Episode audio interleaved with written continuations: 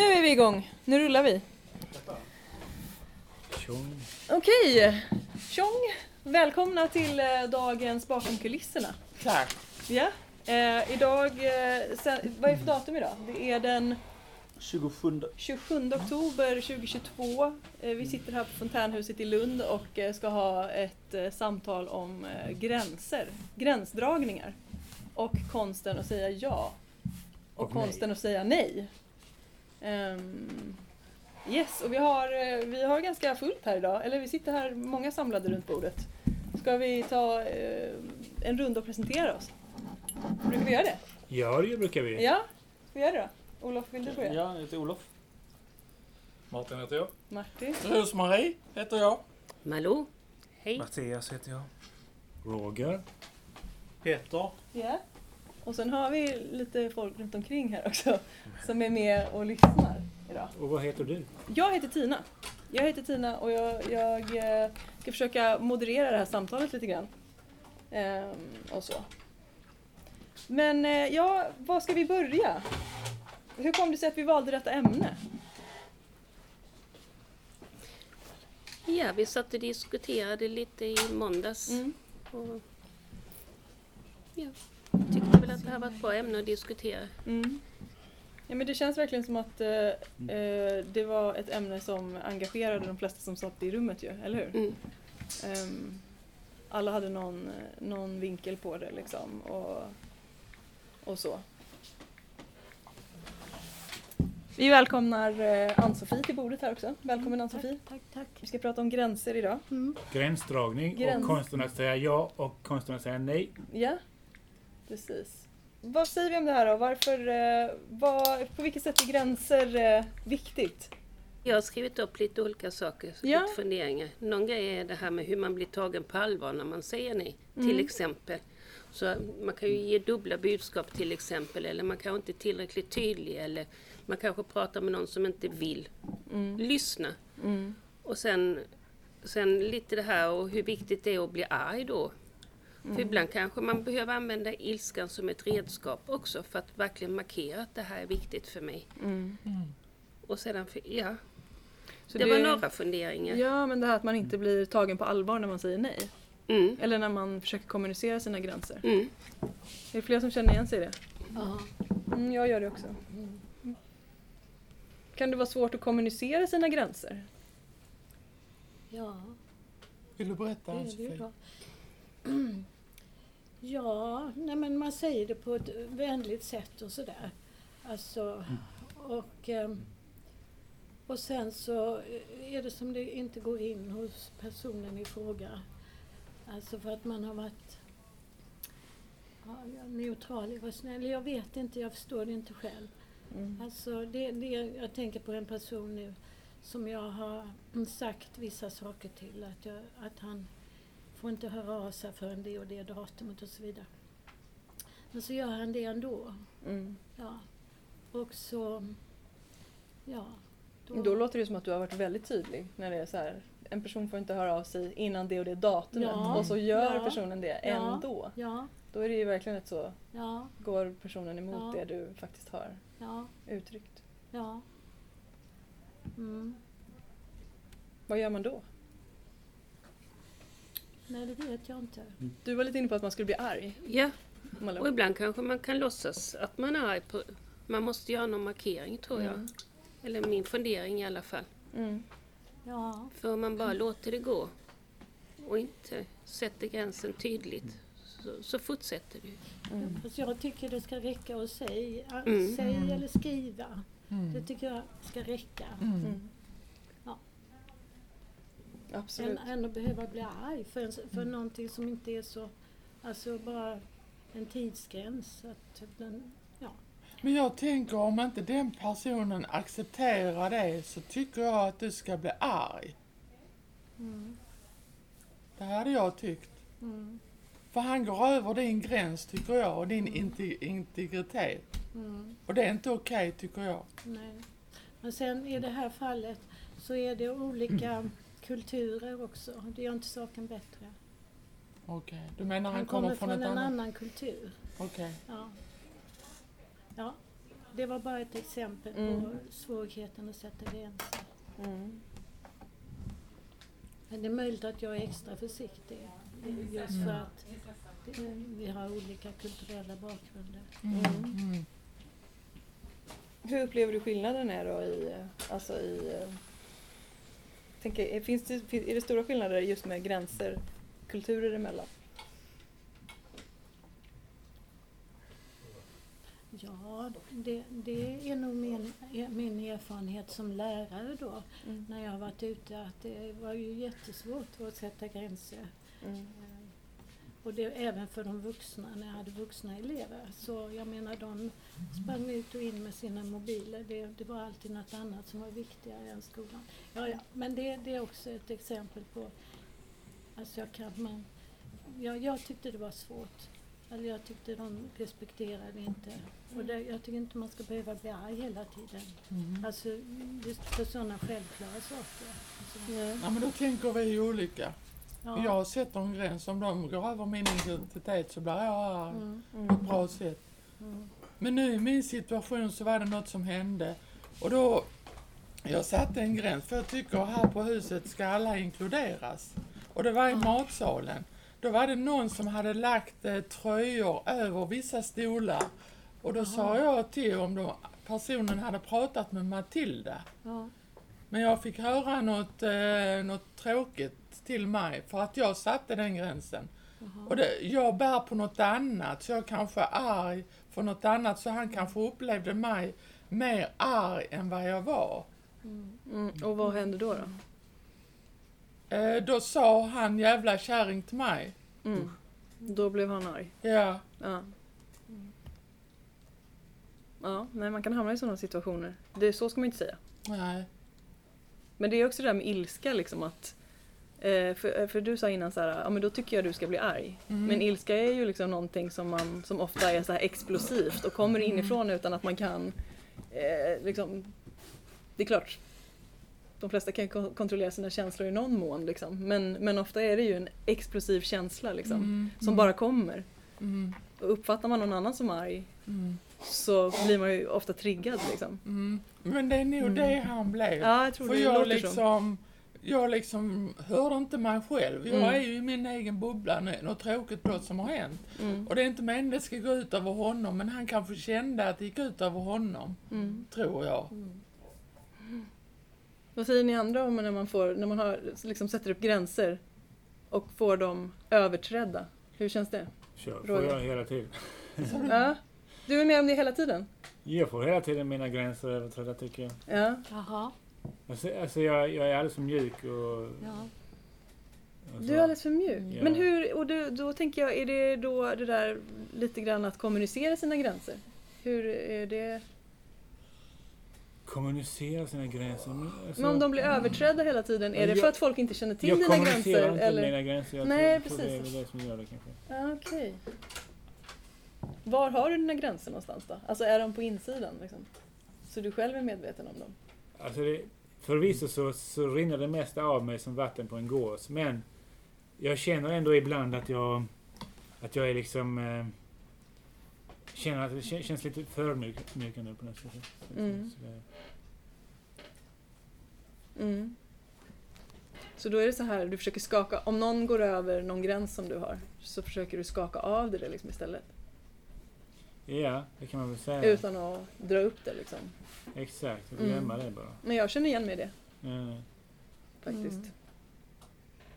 Mm. ja, man tar ju inte konflikter i onödan. Nej. Alltså det, Nej, jag, jag gör inte det heller. Nej. Jag tycker det är spännande för att eh, med... eh, Eller vi kan... Vad, vad säger du Mattias? Jag vet inte riktigt. Nej?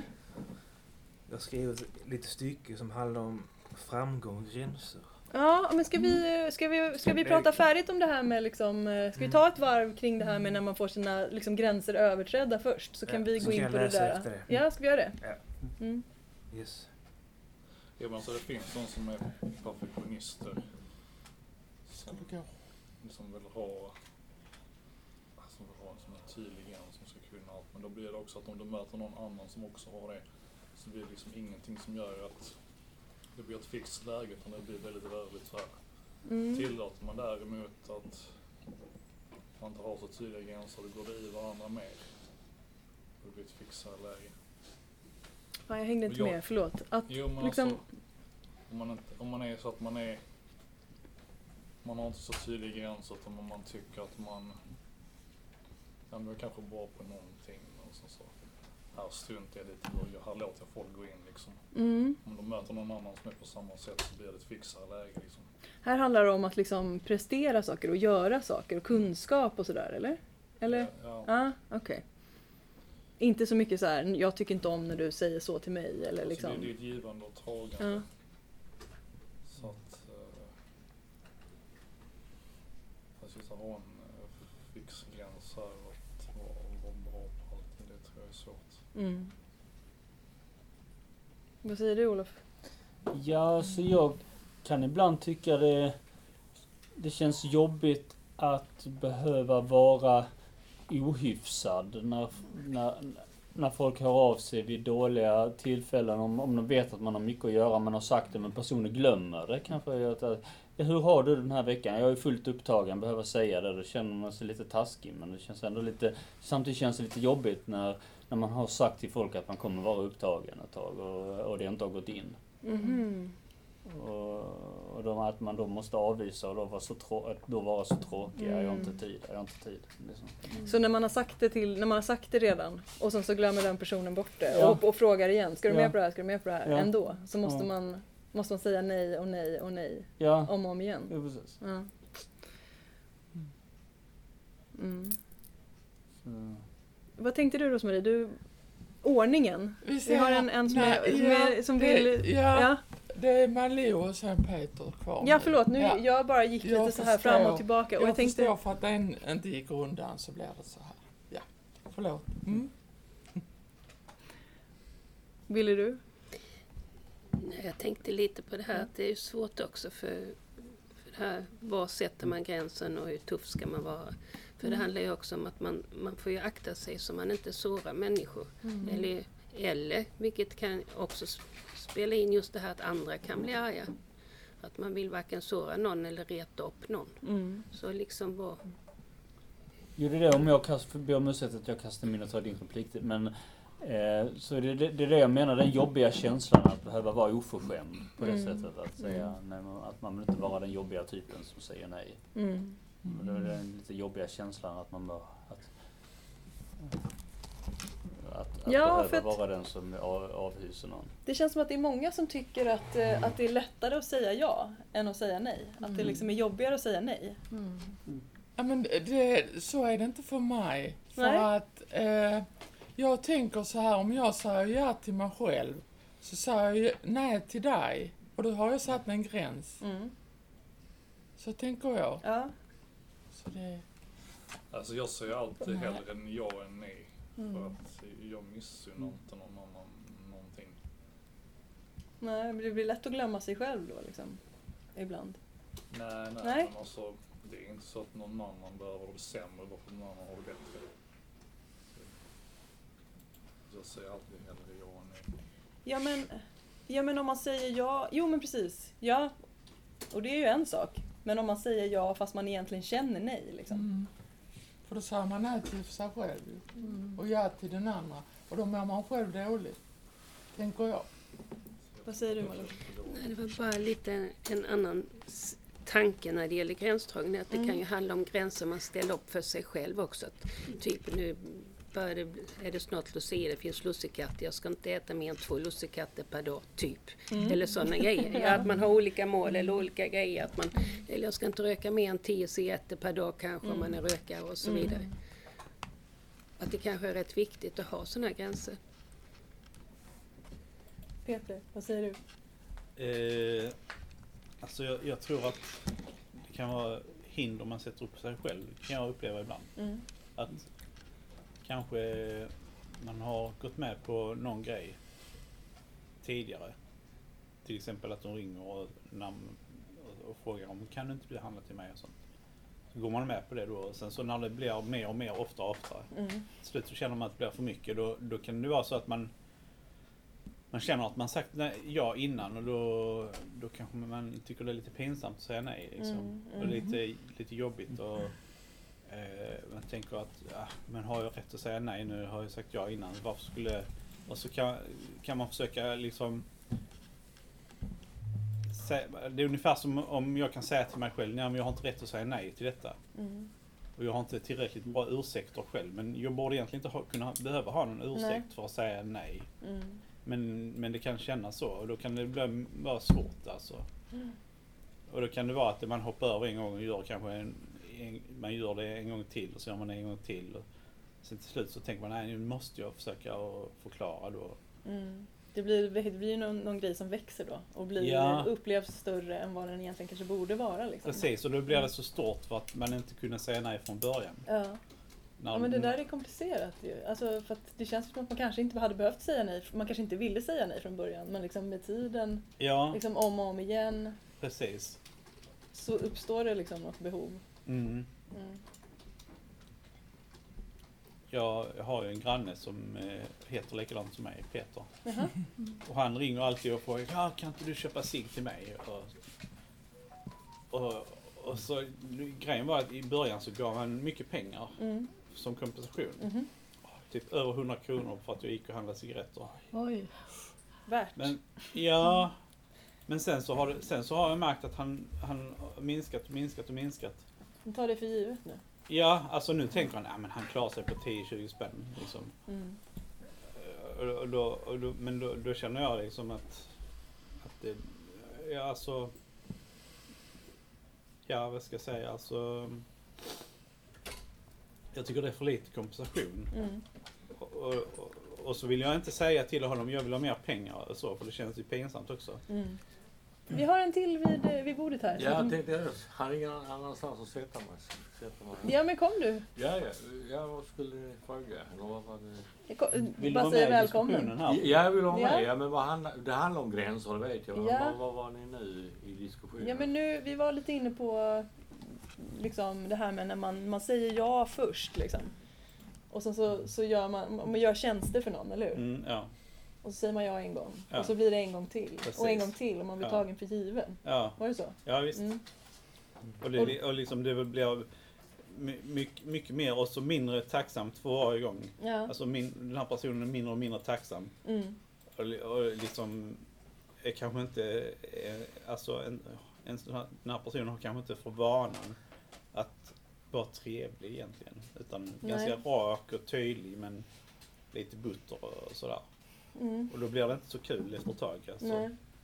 Eh, När man känner att, och så när det påverkar ens övriga liv också. Man kanske hade tänkt att sitta, sitta på macken och skriva. Ja. Och så blir man försenad en halvtimme bara för att man var tvungen att gå och köpa cigaretter till den här personen. Ja. Och du har absolut ingen skyldighet att göra det. Men gör det av någon, av liksom, det har blivit en vana liksom. Ja men i Eller? början så eh, såg man ju pengarna som en bra grej ju. Ja, ja. Mm. För då fick man ju ersättning för det. Och Mm. då kände man att ja men det är bra, då får han ju sina cigg och så får jag mina pengar. Mm. Men eh, liksom sen, sen eh, alltså man kan ringa och han ringer Mm. och så säger han kan du köpa cigg? Ja, så, så, men har du pengar då hemma? Ja, jag har pengar, säger han. Mm. Och sen så har han bara liksom exakt vad det kostar med ciggen.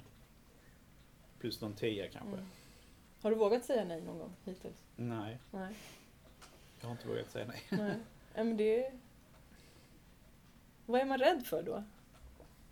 Ja, men man är väl rädd för att det är kanske lite så här Stockholmssyndrom. Man är lite gisslan och Ja. börjar liksom ta parti för den, här, den personen som håller en gisslan. Alltså egentligen. Ja. Man är rädd, rädd, att, rädd, alltså, rädd för att relationen ska brytas. Mm. Alltså det, det är ju egentligen ingen relation som man borde spara ju. Eh, Att någon beter sig så. Men Mm. det, jag vet inte, det, det är någon konstig psykologisk grej där. ja.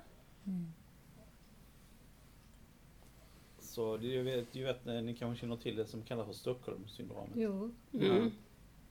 Nej, inte jag, men kan vi ha ämnet och inte säga Stockholmssyndromet för det är utanför ämnet.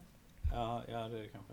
Ja men, Mm. Ja, men det ändå- hörde ändå ihop med, med Ja. Peters bild av Ja. liksom hur han upplever, alltså varför han har svårt att, att eh, sätta den här gränsen Mm. mot grannen. Fast liksom. Stockholmssyndrom handlar ju om att, Ja. man får, att man får sympati eh, för, eh, för den som utövar makt över en. Ja, Alltså att den man som är- håller en fången liksom. Ja, att man får känslor för det. Det kan vara kärlek, men det kan också vara vänskapskänslor eller någon Mm. form av band. Det eller kommer ju från Clark Olofsson, en, en Mm. skurk som eh, Mm. på 70-talet. Han höll gisslan, Palme var inblandad och allting. Mm. Polisen var, och de skulle skjuta honom och sådana saker. Mm. Mm. Han, eh, han höll eh, personen gisslan Mm. och den här gisslan, eh, det var väldigt känt i hela världen och det här som när det Mm. skedde. Den här gisslan, eh, Norrmalm. Norrmalm. Norrmalm ja. Mm. Den här gisslan, de, de, efter ett tag så tog de den här Clark Olofssons parti Mm. mot Mm. polisen. det. Mm. Eh, de, de skulle, sa, sa, ni ska inte komma in här jäkla snutar och så är det någonting i den stilen. Ja. Och det var- det är det som ligger bakom, eh, det, det var så det myntades i USA då, alltså Ja. Stockholmssyndromet. Ja.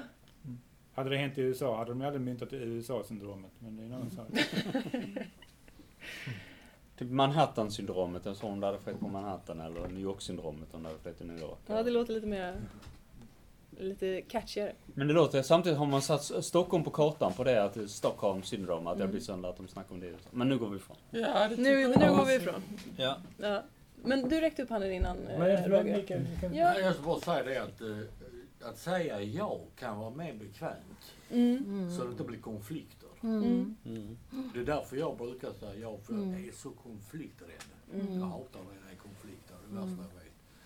Så jag brukar av naturen bara säga okej, ja, ja. ja. Ofta säger jag inte nej, men ja, jag ofta liksom.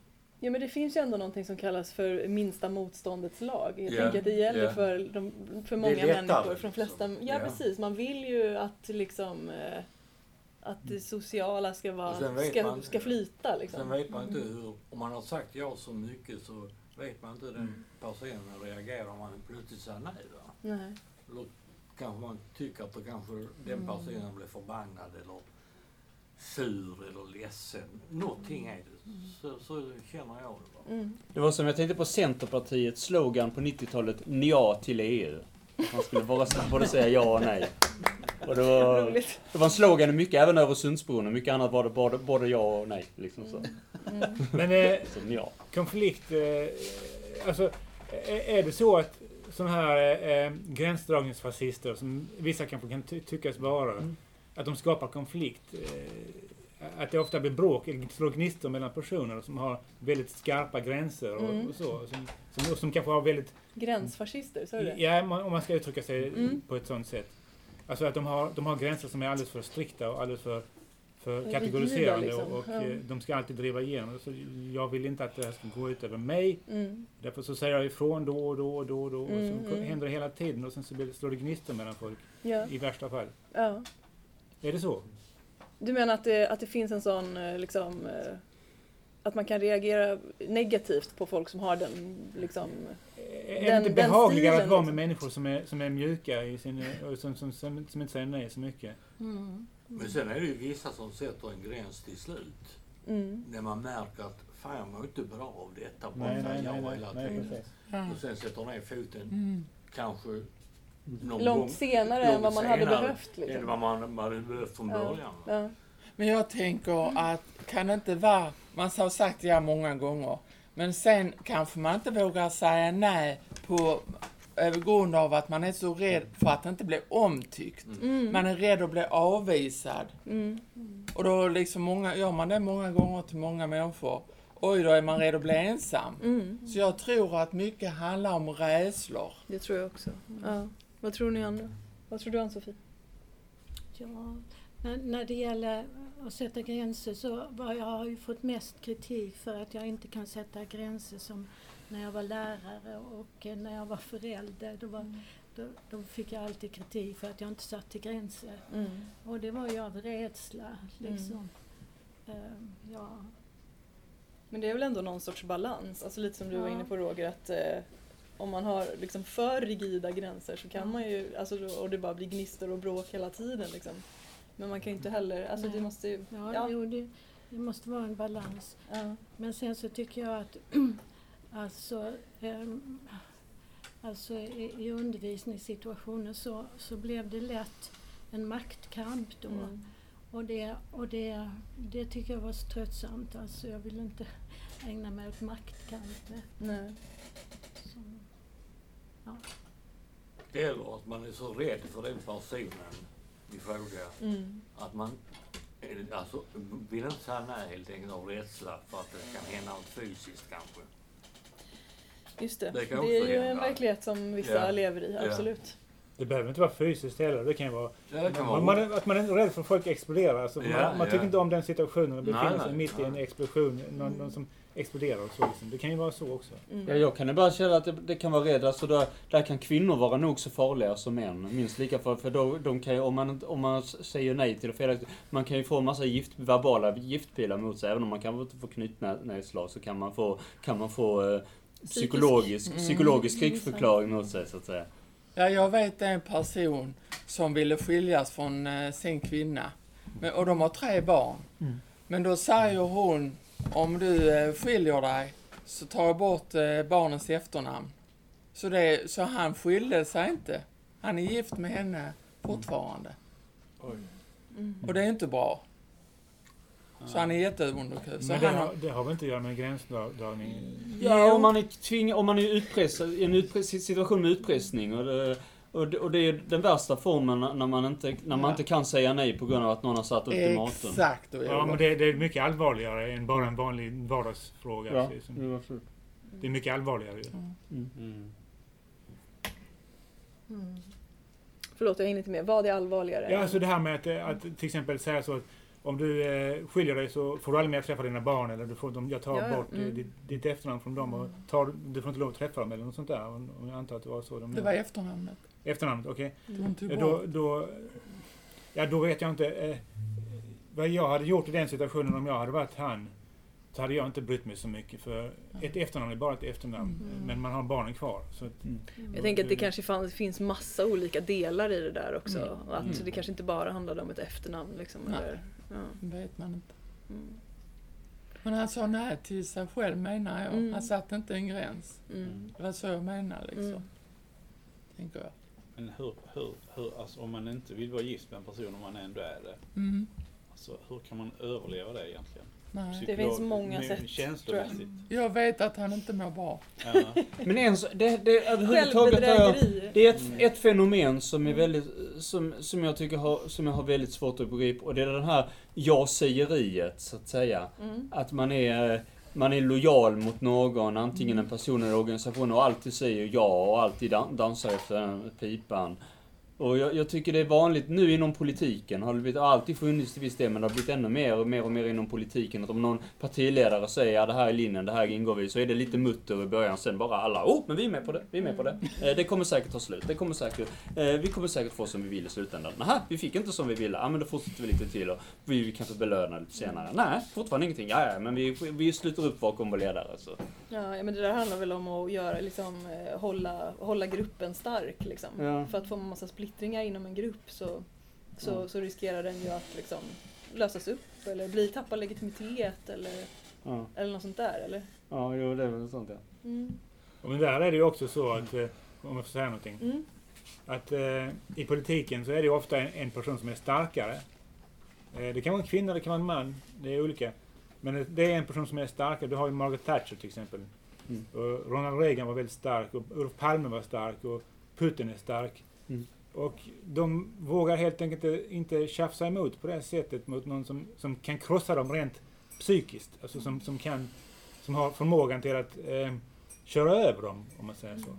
Mm. Utan jag tror det har lite grann att göra med att realiteten är sådan att det, den som är på toppen är oftast den som är starkast. Jo. Fast Palme, när det gäller Palme var han ju inte riktigt alltid på toppen. Han hade ibland, han hade ibland problem att han hade underlägeskomplex gent, gentemot Gunnar Sträng som var finansminister. Han, var, han, han kunde vara riktigt tuff och verkligen såga alla längs fotknölarna. Palme var ibland lite rädd för, även Palme var ibland lite rädd för honom.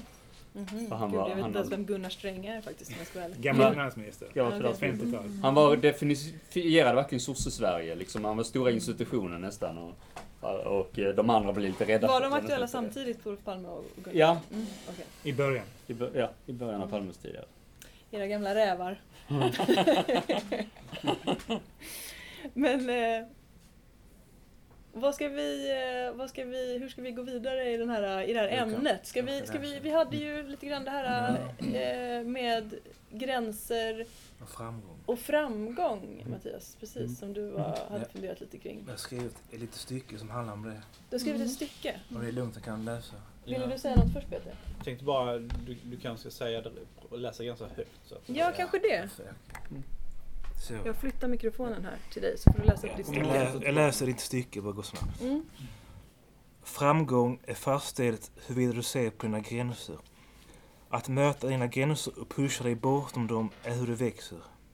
Att uppnå dina mål. Låt inte fruktan och misslyckande kontrollera ditt liv. När som helst du finner dig själv stöta emot vad som verkar vara en gränsning, pusha dig själv för att se om du har något mer att ge. Den enda gränsen till framgång är dig själv, verkar det som. Men i slutändan är det trots allt individuellt, individuellt om hur man definierar lycka och framgång. Men faktum kvarstår. Finns det en gräns till framgång? Finns det alltid mer du kan uppnå? Som kan resultera i tillfredsställelse och en känsla av prestation i form av att sätta gränser. Det finns en ny spirituell tro som kallas för attraktionslagen. En filosofi som föreslår att positiva tankar frambringar positiva resultat i en persons liv medan negativa tankar frambringar negativa resultat. Att tämja gränsen mellan dessa motpoler. Båda existerar. Den grundläggande idén av attraktionslagen är att dina tankar avgör din upplevelse. Du attraherar vad du tänker om oavsett om du vill eller inte. Att sätta gränsen mellan detta. Mm. Så. Ja men Ja. tack. Mm. Tack. Det är ganska intressant med framgång, hur man definierar det i samhället. Liksom. Det är som de har i, i, i Kina Ja, har de ju två, två traditionellt olika. De har det, den konfucianismen som är en strikt hierarkisk med att man ska, samhället ska betrakta så som familjen är, är konstruerad med en viss hierarki så ska samhället också vara uppe och där är på överst då är det bönderna och byråkraterna och bönderna högst upp. Och sen är det, och, och, och, och, och sen är det eh, krigarna, eller där en, en bit under och sen är det hantverkarna ganska långt ner ungefär, sam- ligger ihop med de prostituerade och sen är det slavarna längst ner. Eh, och där, där är det väldigt så här strikt, det här ska ni göra, det här ska... Så Sociala hierarkier. Sen, sen finns det den taoismen som är lite motsvar, som är motpunkten. Där är det, ah, ah, ingen, inga ambitioner, det är så jävla jobbigt. Chilla vet du, chilla och på lite grann. Det är ännu värre i Japan, hierarkin i Japans samhälle. Men jag Där tror får att... ingen Som gå är- ut, där får ingen gå utanför gränsen. Allt ska vara likadant. Om du, om du gör bort dig så överväger många till och med att ta självmord för det blir så pinsamt. Mm. Just det, det här Japans heder kultur, liksom. hederkulturen. Mm. Det är enorm i Japan. Mm. Ja, men vad, Det blir så skamsen i familjen om man gör bort sig. Mm. Till och med att det går så långt att denna personen tar livet av sig för han klarar inte av att vara annorlunda i sånt hierark- hierarkiskt samhälle. Nej. men, men, men det- ta, ta, vi kan ta en person som Donald Trump. Mm. Det, det fanns ju bara en amerikansk politiker i toppklass som stod upp mot Trump till slutet innan han blev vald då. Eh, vid förra, eh, då, då när det var val 2000... Eh, eh, vad var det? 2016 va? 2016. Och det var Mitt, Mitt Romney. Resten bara... De hade sagt, sagt att vi ska aldrig stödja Trump och så. De bara vek ner sig fullständigt och nu är det, finns det inte någon, an- någon som står upp för det de har stått upp för tidigare. Inte en enda. Utan Mitt Romney, han är kvar, han är, han är bra. Mitt Romney. Men han är också mormon. Som om det skulle vara en Ja, men alltså, motsats de- till, de- eller liksom mot, De är väldigt bra människor, alltså, de- jag känner en del. en del Mm. mormoner. Ja, både i Sverige och i USA. Mm, intressant. Mm. Mm. Men eh, Mattias, din text, det lät som att du, det var, det var, du var inne på att det enda, som, det, en- det enda som står i vägen för din framgång är dig själv. Liksom. Att pusha sig liksom. Ja, Till nya utmaningar liksom. ja. Det är inte helt lätt. För det var vi pratade vi ju lite grann om innan också, liksom hur, eh, hur mycket ska man pusha sig själv? Liksom? Hur mycket ska man eh, gå över sina egna gränser? Exakt. Och med framgång liksom lite grann. Mm. Eh, ja. Och sen är det frågan om när man blir nöjd. ja, Jag tänkte lite med attra- attraktionslagen. Liksom. just det. Vad finns det som attraherar dig? För att Mm. Sätta gränser och framgång. Men det var det här the law of attraction Law du pratade om. attraction, precis. Och det- Ganska ny, Svenska är det attraktionslagen. Ja, just det. Mm. det kallas för law of attraction. Det är ganska ny new age-grej. Just det. Vad, Vad innebär det då? ja, vad innebär det? Jo, det... Du Jag kan vill berätta. Jag Ska jag ta berättar det? Peter. Mm. Eh, Pos- ja. Om man säger så här att saker kommer till att bli bra. Om man är positiv Exakt. så kommer det att bli bra. Och likadant om man, om man, om man utstrålar kärlek så kommer man att få kärlek. Just det. Mm. Eh, och det, liksom man drar till sig det man ger ut kan man Mm. säga. Exakt. Positiva tankar liksom attraherar Ja, posit- att det- positiva resultat i Ja. omgivningen. Liksom. Ja. Det finns fysikaliska regler som säger att massor dras mot varandra. Ja, och att man ska då materialisera det man vill ha genom att vara det själv. Liksom. Exakt. Jag tycker, alltså, jag Men tycker det- sånt är rätt så flummigt. Jag tycker Det det, alltså, Mm. Poängen är att det, Det stämmer ju till viss... Det stämmer till en viss del. Alltså, det finns ett korn av sanning eller ganska mycket. För många, I många fall kan det nog lösas med att man får energi. Men det är ingen, det är ingen universallösning på något problem. För jag tycker all, annars kan det få, få motsatt effekt. Att man är, är väldigt så, och man öppnar sig och då kan andra kanske bli mer eh, att de, eh, att de inte ställer upp på ens energi. Jag tänker också att det, det förutsätter ju också någon så här jättestark kontroll av Ja. självet. Jo, alltså precis. som om att man skulle, precis som att man själv var så här helt isolerad från världen och att man skulle kunna bestämma själv Mm. att, man, att man kunde bli glad och tänka positivt och sända ut det ena eller det andra. Men man är ju kopplad till en omvärld liksom. Exakt. Ja, Eller, Jo, precis. Ja, ja. Eller, ja. Jo, precis. Ja. Sen handlar det om självkänsla också. Mm, I grund och botten. Eh, Vilka värderingar du har. mm, Vad som går hem hos andra. Det är inte världens lättaste. Nej. Hur andra reagerar på dig. eh, Hur du är ja, ja, nej precis. som person. Alltså. Ja. Så det här med att man ska bli populär, eh, det är inte gjort på en dag. Alltså, eller man ska nå sina mål. Vissa tar det längre tid och vissa når aldrig sina mål. Mm. Det är det, pusha dig själv för att nå dina mål om du vill. ja. Vad, vad säger du Malou? Jag har väl varit uppe innan men jag funderar lite vad gör man när någon inte respekterar gränserna? Och de är Mm. tydliga. Och man, vad gör man? Ja, det är en jättebra fråga. Ja, vad gör man då? Är det någon som, eh, som har lösningen? Man blir arg har vi haft som förslag. Du menar om Ja. inte det räcker att bli arg alltså? Vad man skulle göra då? Mm. Hur många här är det för det första som anser sig vara bra på att sätta gränser och äh, på gränsdragning? Jag har en där, inte, inte jag. Är, det, är du bra på det? Sådär. Sen. Men bra och dåligt det handlar ju också om att jag kan sätta gränser men sen kanske jag tycker att det är väl inte alltid så folk respekterar det och då är jag kanske inte så bra på det. Jag tycker jag har gjort markeringar men, Mm. men Nej, jag Men då de, att lägga- de, det tycks inte gå hem Nej. vad jag har sagt. Eller. Alltså jag känner väl ibland att jag inte riktigt får min vilja fram alltid. Alltså det händer saker i omvärlden som går lite emot den. Men Mm. jag är inte sån som, som reagerar så direkt utan kan lite mer subtilt. Ja, just det. Man kan bli lite, eller så här, eh, kan man inte bli lite... Är det inte vanligt att man är lite passiv-aggressiv? Alltså det kan jag bli Ja, ibland. prata mer lite runt ämnet, inte direkt Ja, så. Precis, och liksom i vänskap, liksom i nära relationer och så, när man, när man känner att man, ens gränser är, gås över. Jag tycker, det tycker jag är jättesvårt. Det är jättesvårt. Ja, när man liksom har en vän eller så, som går över ens gränser. Om man liksom eh, kanske tänker, ah fan, jag glömmer det, äh, äh, det var väl inget liksom. Och så bara när det växer liksom. Jag fixar inte det, för då Nej. mår inte jag bra. Mm. Så jag blir hellre arg. Mm. Och respekt. Klarar inte den personen jag blir arg, nej, då är det ingen vän att ha, tänker jag. Nej men det, jag tror det är jättesunt då att blir- tänka så. Ja. För då blir det att jag tar dem för att jag vill vara med vänner som ger mig energi. Mm. Det, Det låter som skolboksexempel av sundhet. Jag önskar att jag kunde vara mer så.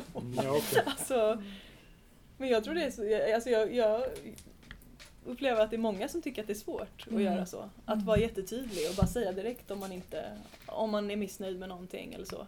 Jag tänker, jag lever hellre ensam än eh, någon som ger mig dålig energi. Mm. Ja, det är klart. Ja, det är klart. Mm. Ja, nej men, ja det är jättesvårt. Men i förhållande till de som man har makt över, som till exempel elever eller barn, Mm. Alltså det är där jag mest har fått höra att Mm. jag inte kan sätta gränser. Men alltså då, då vill jag hellre vara ett bra exempel Mm. än... Alltså jag tycker det, det bästa man kan göra det är att vara ett gott, ett gott föredöme. Ja. Det är inte heller alltid så lätt. Nej, det är inte heller lätt. Men jag vet, jag har, ja, får jag ge ett personligt exempel? Ja. Mm, Ja. visst. Men jag, har en, eh, jag har en vän som jag, som jag tycker jätte, jättemycket om. Vi har känt Mm. varandra i superlänge. Hon är en väldigt karismatisk person. Och jag älskar henne supermycket och tycker om att vara med henne. Men jag blir fullständigt galen på henne också. Och jag tycker att hon går över mina gränser jämt och ständigt. Mm. Och jag kanske inte vågar säga till allt det. Jag tänker att, ah, fan, jag vill inte vara den här jobbiga, den här tråkiga som liksom bara "Mm", håller på att bli sur över saker och sådär. Så jag bara begraver det för att jag vill vara, jag vill vara någon sån så här, jag vill vara easy going och rolig och liksom så. Eh, men sen har det hänt, alltså vi har känt varandra i över 20 år.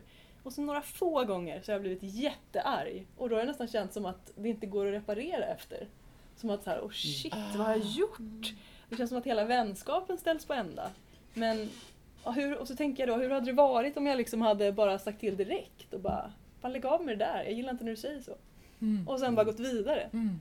Men att det kan vara så svårt. Eller det tycker jag i alla fall. Mm. Är det någon som känner igen sig i det? Man kanske förstorar det hela också. Ja, och det är väl det där vi var inne på innan liksom med så här friktion, att man inte vill, man vill inte ha de där liksom små problemen. Jag kan ju säga, för det kommer jag att tänka på det du berättade, att jag, jag hade ju en kompis som jag hade haft i ganska många år, från att vi var 16 ungefär. Mm. Eh, och han, han hade alltid, alltså att när man var med honom så han tog alltid så mycket energi och krävde allting själv. Man skulle alltid Mm. rätta sig efter honom. Mm. Och eh, han, men han eh, fick nog så upp kontakten med mig fullkomligt. Det var nu för några år sedan. Ut, Gjorde eh, han det? han gjorde det för att jag sa, för att han tog kontakt med mig igen eh, då vid, något tillfälle då, då 2000, eh, 2000, våren 2015. Mhm. Eh, och han och pushade på som vanligt. Jag sa ifrån till Mm. honom då på Sky, eller skickade ett sms då eftersom han hade ringt och jag hade inte svarat några gånger för att jag hade sagt att jag inte kunde. Och, Mm.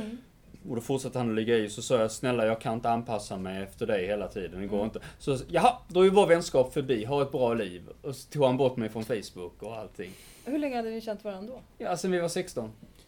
Men hur kändes det då? För då... Nej, Alltså- kände, det kändes lite sådär, så okej, okej, jag tyckte det var lite jobbigt för det känns som någon... Man vet ju inte...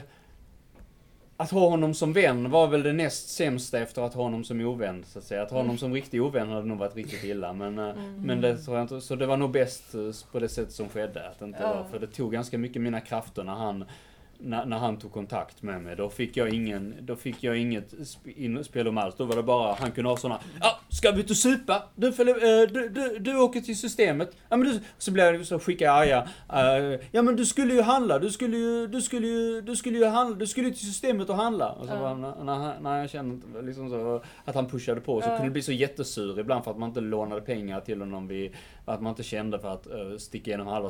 Och så han var förbannad några gånger och, och la på luren och så här. Men det här var det slutgiltiga då när Ja. han blev riktigt sur då när jag... Droppen som eh, Ja. fick bägaren att rinna Ja över. precis. Liksom. Men det Ja. verkar som För er båda känns det som. Ja. Alltså din precis. bägare rann över Och hans också. och då, eller ja, och då, ja, då kunde precis. inte han få det han ville längre. Ja, nej, ur er relation. Ja. Men han vill ju Ja. bara dominera då ju. Ja. Ja, det låter så. Ja. Eller de delar möjligtvis. Mm. Men var du också så att du, att du också tyckte om den här personen liksom, samtidigt?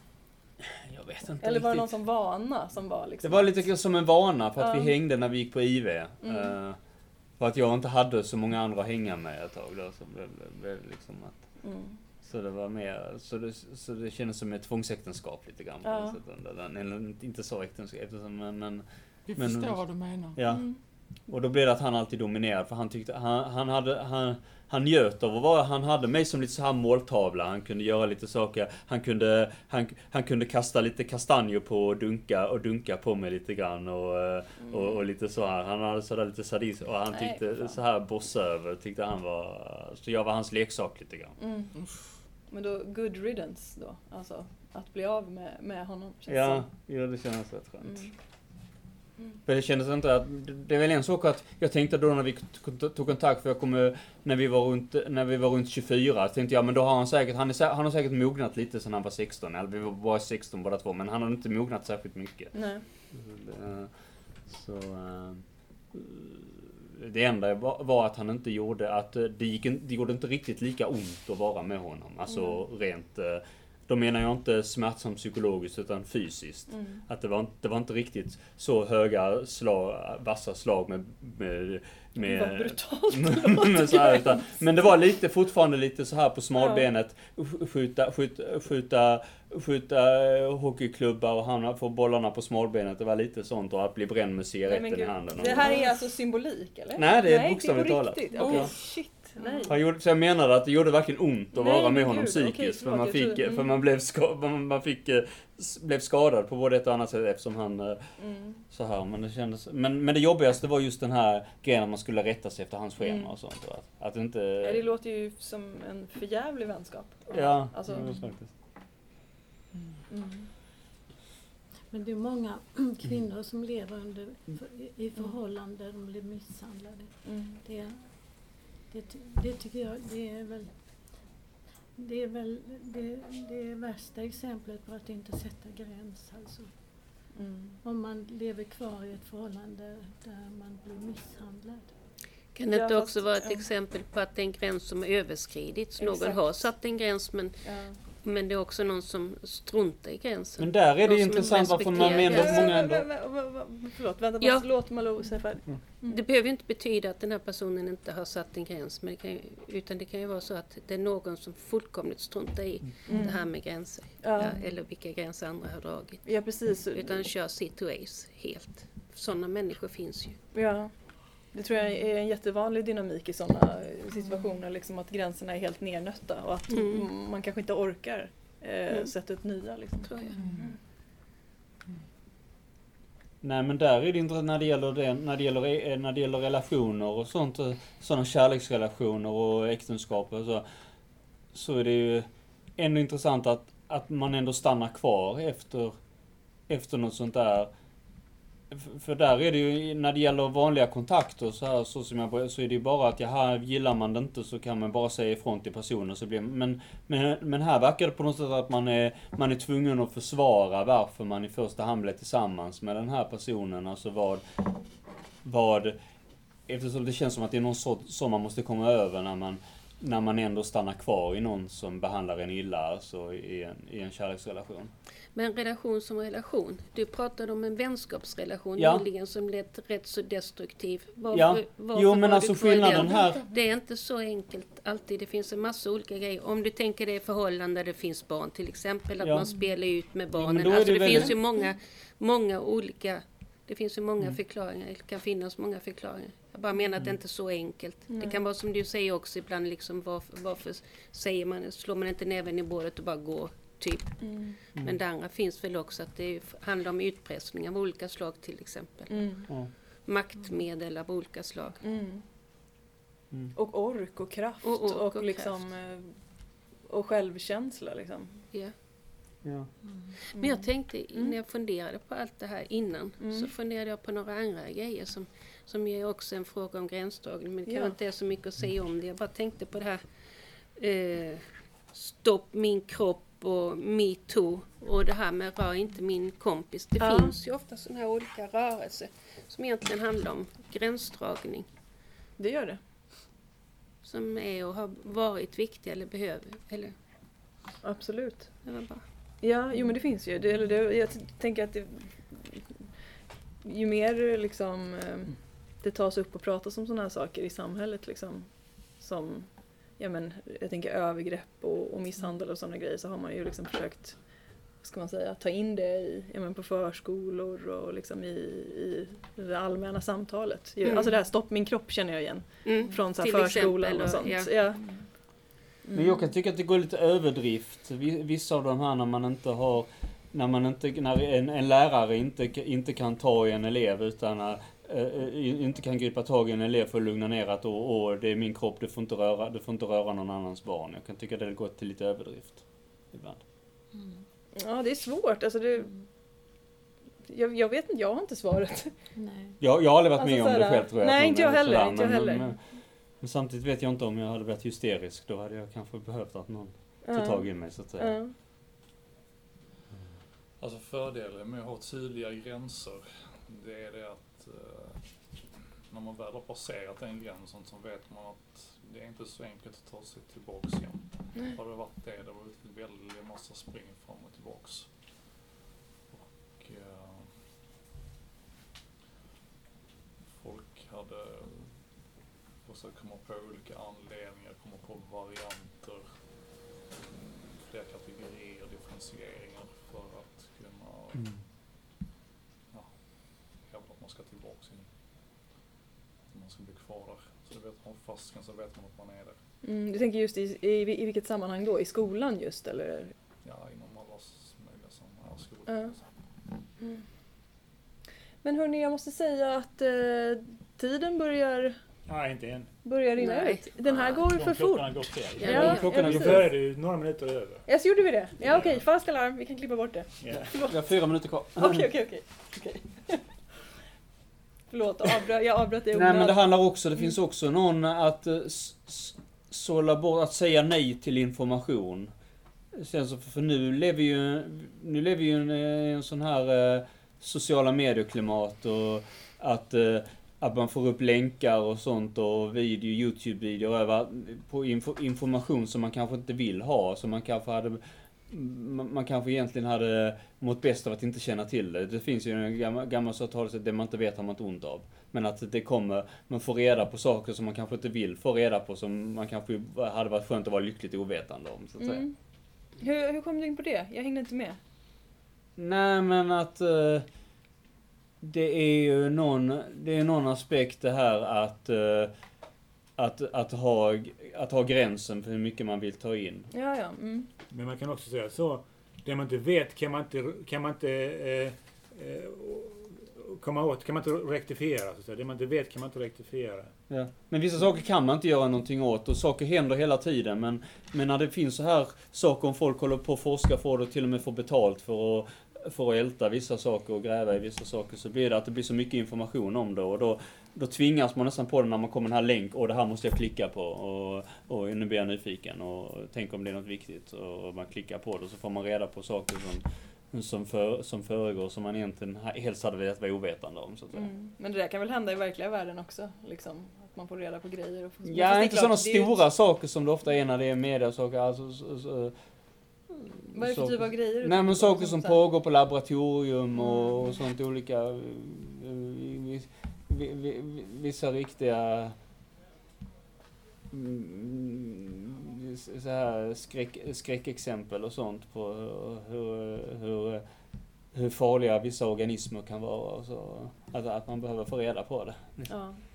Informationsflödet är svårt Ja. att värja sig mot. Ja, Liksom. precis, ja. Mm. Vad har vi kommit fram till nu då? Det är, ändå, det är några minuter kvar men det är ändå liksom att vi kanske får... Eh... Mm. Ja, vad vill du säga? Jag har en sista grej. Ja, säg. Eh, jag, jag, eh, vid något tillfälle så ville jag tjäna lite pengar och då hade de sån här Mm. att man kunde vara försöksdjur, eller försöks, Försöksdjur. försöksdjur i princip och försöks... Och, eh, jag ringde till, det var AstraZeneca då, så ringde jag så och frågade om de behövde någon som ställde upp liksom Mm. på försök. Så sa de, nej, nej men gör inte det, gör inte det. Mhm. Mm. Och jag bara, jaha, nej, okej. Sen hör, lite senare så hörde jag om någon som hade gått med på ett sådant försök. Att de skulle testa en ny bröstöppningsmetod. Så de liksom sågade, sågade upp honom och, och öppnade bröstet liksom. Och, då, och, så, och så misslyckades det så att han, han blev liksom ganska allvarligt skadad av det. Och då, och då, han fick ju pengar så, men tänk dig Alltså, Gud så vår- fruktansvärt. på tal om att sätta gränser liksom för sin Mm. egen kropp och sådär. Liksom, Mm. att, man, att man utsätter sig för sådana grejer. Mm. Alltså jag, jag tänker mig att det, är, att det är ett sätt att gå liksom, över gränsen. Mm. På ett, liksom, bara för att få pengar. Mm. Det hade jag aldrig gjort. Alltså där hade jag satt en gräns. För Mm. när, när det gäller sådana saker så där, där kan jag säga ifrån. Ja. Och, så, och så finns det ju de som säger så här att eh, när man arbetar så är det egentligen en prostitution. För att man utsätter sig för att man måste jobba på dagarna för att få pengar. Och då, då är Man det säljer så, sin... man säljer sin Mm. kropp liksom. Mm. Det är lite Sin negativt sätt att se på det men... Eh, Nu har vi någon som pickar på klockan här. mm. Mm. Nej, det börjar bli dags va? Ja, det börjar bli dags. Men eh, tack så jättemycket för det här samtalet. Ja. Ska vi säga så då? Ja, vi Ja. säger såna. All right. Vi gick över din Tack, gräns. tack för- Så är Vad säger det. du Malou? Ja, nej, jag tyckte bara det blev lite kul mot slutet att det satte, du försökte sätta en gräns och vi struntade i den gränsen allihop fullkomligt. Och då Ja. blev det som vi ville. Ja, Att det är lite talande. ja, det är verkligen talande. Ja, men det var fint att, att sitta här och snacka med er om gränser i alla fall. Mm. Det var intressant. Tack för idag. Av det. Tack. Hej då! Hej då.